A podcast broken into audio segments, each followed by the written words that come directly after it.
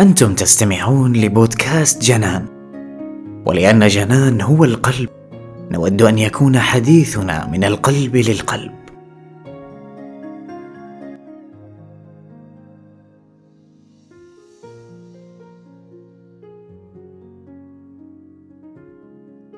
كلنا نعرف أن الحياة متقلبة.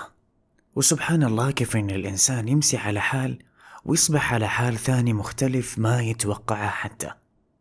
في نفسنا ولا غيرنا ولا في أي شيء في هذه الحياة. نتوقع شيء بنسبة كبيرة ولكن نكتشف بعد مدة إنه ما تحقق اللي توقعناه وكأنه حصل عكس توقعنا. طب ليش ما يحصل اللي تبغاه ونتوقعه دائما؟ جواب هذا السؤال وأسئلة ثانية كمان راح تلاقوها من خلال استماعكم لحلقتنا اليوم. بعنوان يمكن خيرة.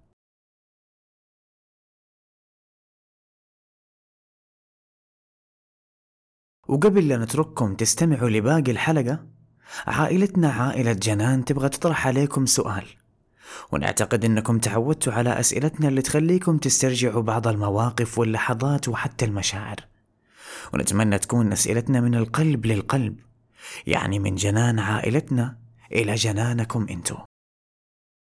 بالنسبة لسؤال الحلقة هذه فهو هل حصل وتمنيتوا شيء يا أصدقاء جنان وكان شغلكم الشاغل ليل نهار إنه يتحقق.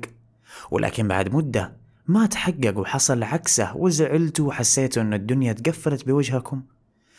بس بعدها بفترة قصيرة أو طويلة جاكم العوض اللي ينسيكم الأمنية الأولى من أساسها. وكالعادة الإجابة نبغاها تكون بين عقلكم وقلبكم. نتمنى أن تنال الحلقة على إعجابكم وتحديدا قلوبكم.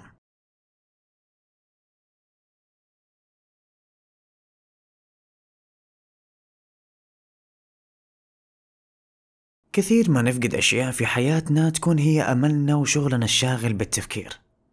ننام ونصحى وإحنا على نفس الأمل لمدة زمنية طويلة أو قصيرة. ولكن بعد فترة نكتشف إنها لو ما حصلت فيها خير لنا بأسباب تكون واضحة قدامنا. والعكس نخسر أشياء ونزعل عليها ونسأل نفسنا ليش؟ إيش السبب؟ وتعدي مدة بدون لا نلاقي سبب واضح لعله يخفف من حزننا عليها عقل الإنسان ممكن يكون محدود التفكير وقت رغباته لو حط في باله رغبة أو أمنية وعاش فترة طويلة يدعي إنها تحصل فجأة يمر بمرحلة شبيهة باليأس يسأل نفسه فيها ليش ما صار الشيء اللي أبغاه؟ هل الله ما يحبني؟ ويبدأ يعيش في تساؤلات كثيرة ما لها نهاية ناسي إن الدعاء إما مجاب أو مرفوع ومصروف عننا بأشياء أفضل من دعوتنا. فيها خير وعطاء أكبر وأكثر. ولو حصل الشيء اللي كان يدعي إنه يحصل من زمان وتحقق حلمه ما راح يوقف من الأحلام والأماني لأن طبيعة البشر هي عدم القناعة وهو مو شيء سلبي دايما. بالعكس حلو إن الإنسان يستمر في السعي للأفضل بمعية وقوة الله ولكن لو صابه يأس مرة وفكر كم نعمة يمتلك في حياته وكم أنعم الله عليه وأعطاه من الخيرات الكثير. وحقق له أمانيه حيعيش في سلام وبدون قلق من المستقبل الجاي. وياما تحصل معانا مواقف ممكن تكون بسيطة بس نلاقي نفسنا نردد خيرة. كم مرة حصل معاكم موقف واستشعرتوا معناها فعلا؟ كم مرة بكيتوا من ضياع فرصة لو حصلت كانت حققت لكم حاجات كثير تحلموا فيها؟ بس رددتوا الحمد لله خيرة. ممكن نلاقي شخص سنحت له الفرصة يتوظف في مكان معروف وبراتب عالي يحلم فيه. ولكن لما تحدد اليوم والوقت للمقابلة الوظيفية تعب أحد أولاده واضطر إنه يلغي المقابلة ورفضوه. بعد فترة من الزمن وصلها خبر إن هذا المكان فيه أموال تنأخذ بالحرام. فكان تعب ولده خيرة له في إنه ينرفض. وموقف ثاني. عاشت بنت بآمل الارتباط بالشخص اللي تحبه ورسمت كل آمالها وأحلامها معاه ولكن في وقت ولحظة غير متوقعة هو اختار إنه يكمل طريقه بدونها ورفض فكرة وجودها معه. وبعد مدة من الزمن تقدم لخطبتها شخص ثاني وكانت ترفضه بكل الطرق. ولكن ما في سبب مقنع لرفضها من وجهة نظر أهلها فسلمت أمرها واستسلمت.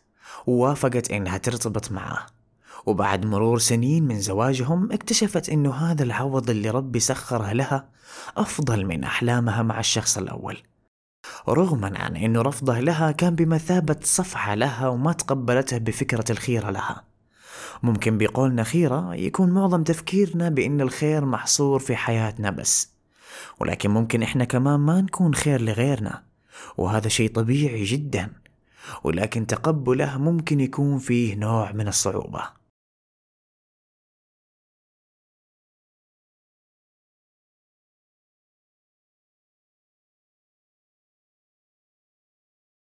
الرفض ما يعني إننا أشخاص سيئين أو مكتوب لنا نصيب حلو بالعكس تماما. وللأسف هذا المفهوم منتشر كثير في الفترات الأخيرة. صار الإنسان يستحي يرفض شيء مو عاجبه. وفي الوقت نفسه ما يتقبل الرفض. لكن السؤال هو ليش ما نتقبل الرفض؟ وليش ما نرفض أي شيء مو عاجبنا بكل احترام وذوق؟ في العلاقات وفي الخدمات اللي نقدمها لبعض نحس إنه الرفض إهانة وشيء يقلل مننا والمفروض يا يحصل اللي نبغاه أو أحسن من اللي نبغاه. لكن لازم نعرف إنه الدنيا ما تكون على هوانا في كل الأوقات. الرفض حق الجميع. وهذا المفهوم لازم يوضح لكل الأشخاص وانه ضد فكرة الإهانة والتقليل من الناس. وصرنا في زمن نربط فيه الرفض بالشخص ذاته والمصالح.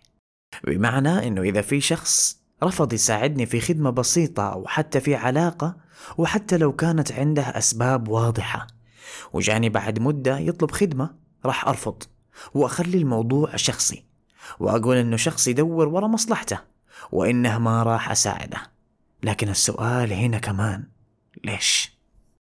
ليش صرنا نحط نفسنا وغيرنا في مواقف تافهة جدا؟ وإحنا في داخلنا نعرف إنه من حق كل شخص يرفض الشيء اللي ما يناسبه باحترام وبدون ما يقلل من أي طرف. راح نرفض وراح نقبل وننرفض كمان لأنه هذه الحياة الحياة ما تتمحور حولنا وحول قراراتنا ورضانا سواء انت رضيت أو زعلت. تأكد إن الحياة مستمرة لأنه في ملايين غيرك على هذه الأرض يبغى يعيشوا الحياة بتفاصيلها وبالرفض وبالقبول كمان. تقبل فكرة أن الرفض عكس القبول وهو جزء من الحياة. ولا تقدر تجبر نفسك ولا غيرك على علاقة أو حتى خدمة ما ترضيهم هم كأشخاص. وأعتقد أنه هذه الأفكار سببها تفكير من منظور واحد واللي هو منظور أن الرفض يعني شيء سلبي. لو قدمت على وظيفة ورفضوني معناته هم سيئين وما يبغوني أبحث عن رزقي. لو تقدمت لبنت ورفضتني معناته أنه هي متكبرة وأكيد الغلط فيها مو فيني. لو بدأت مشروع ورفضوها الأشخاص اللي في المجتمع وما دعموني هذا أكيد معناه أنهم يقفلون باب رزقي ويكرهوني. صرنا في زمن نربط كل الحياة ورفضها وقبولها بشكل شخصي وما نشوف الجوانب الإيجابية من هذا الموضوع. أنا أو أنت ولا أي شخص ثاني لو انقبل في أول وظيفة يمكن الآن ما كان في منصب أفضل بكثير.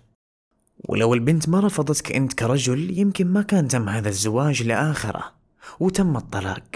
ويمكن كمان لو ما رفض مشروعك ما كان عرف نقاط ضعفك والقوة عندك. وبدأت بمشروع ثاني أفضل. دائما إحنا كبشر أو في أغلب الأحيان نشوف النص الفاضي من الكوب وننسى المليان وننشغل بالجزء الفاضي ونحاول نحبيه لأنه نعتقد لازم يكون كامل عشان تكتمل سعادتنا. لكن الطريقة هذه تخلينا نفقد لذة الحياة. لولا الشر ما كان حسينا بالخير ولولا الظلم ما كان شفنا العدل وغيرهم كثير. رب العالمين خلق الكل شيء ضد والرفض لا يعني شيء سلبي ولا يعني إن العيب أو الخلل منك. لكن خلينا نقول إنه ينتظرك مكان وشيء أفضل. عشان كذا تم رفضك. لازم نغير طريقة نظرتنا للأمور عشان ننعم ونشعر بلذة الحياة وكل شيء فيها سواء كان على هوانا أو عكسه تماما.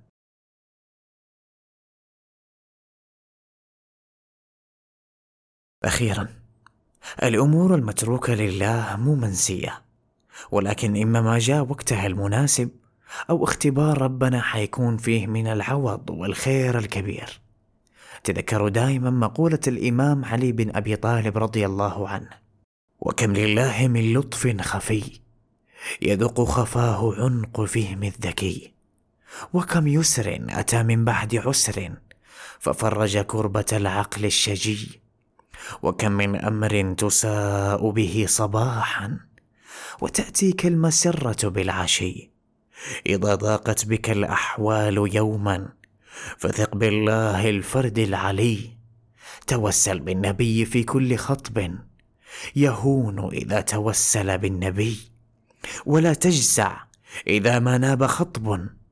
فكم لله من لطف خفي.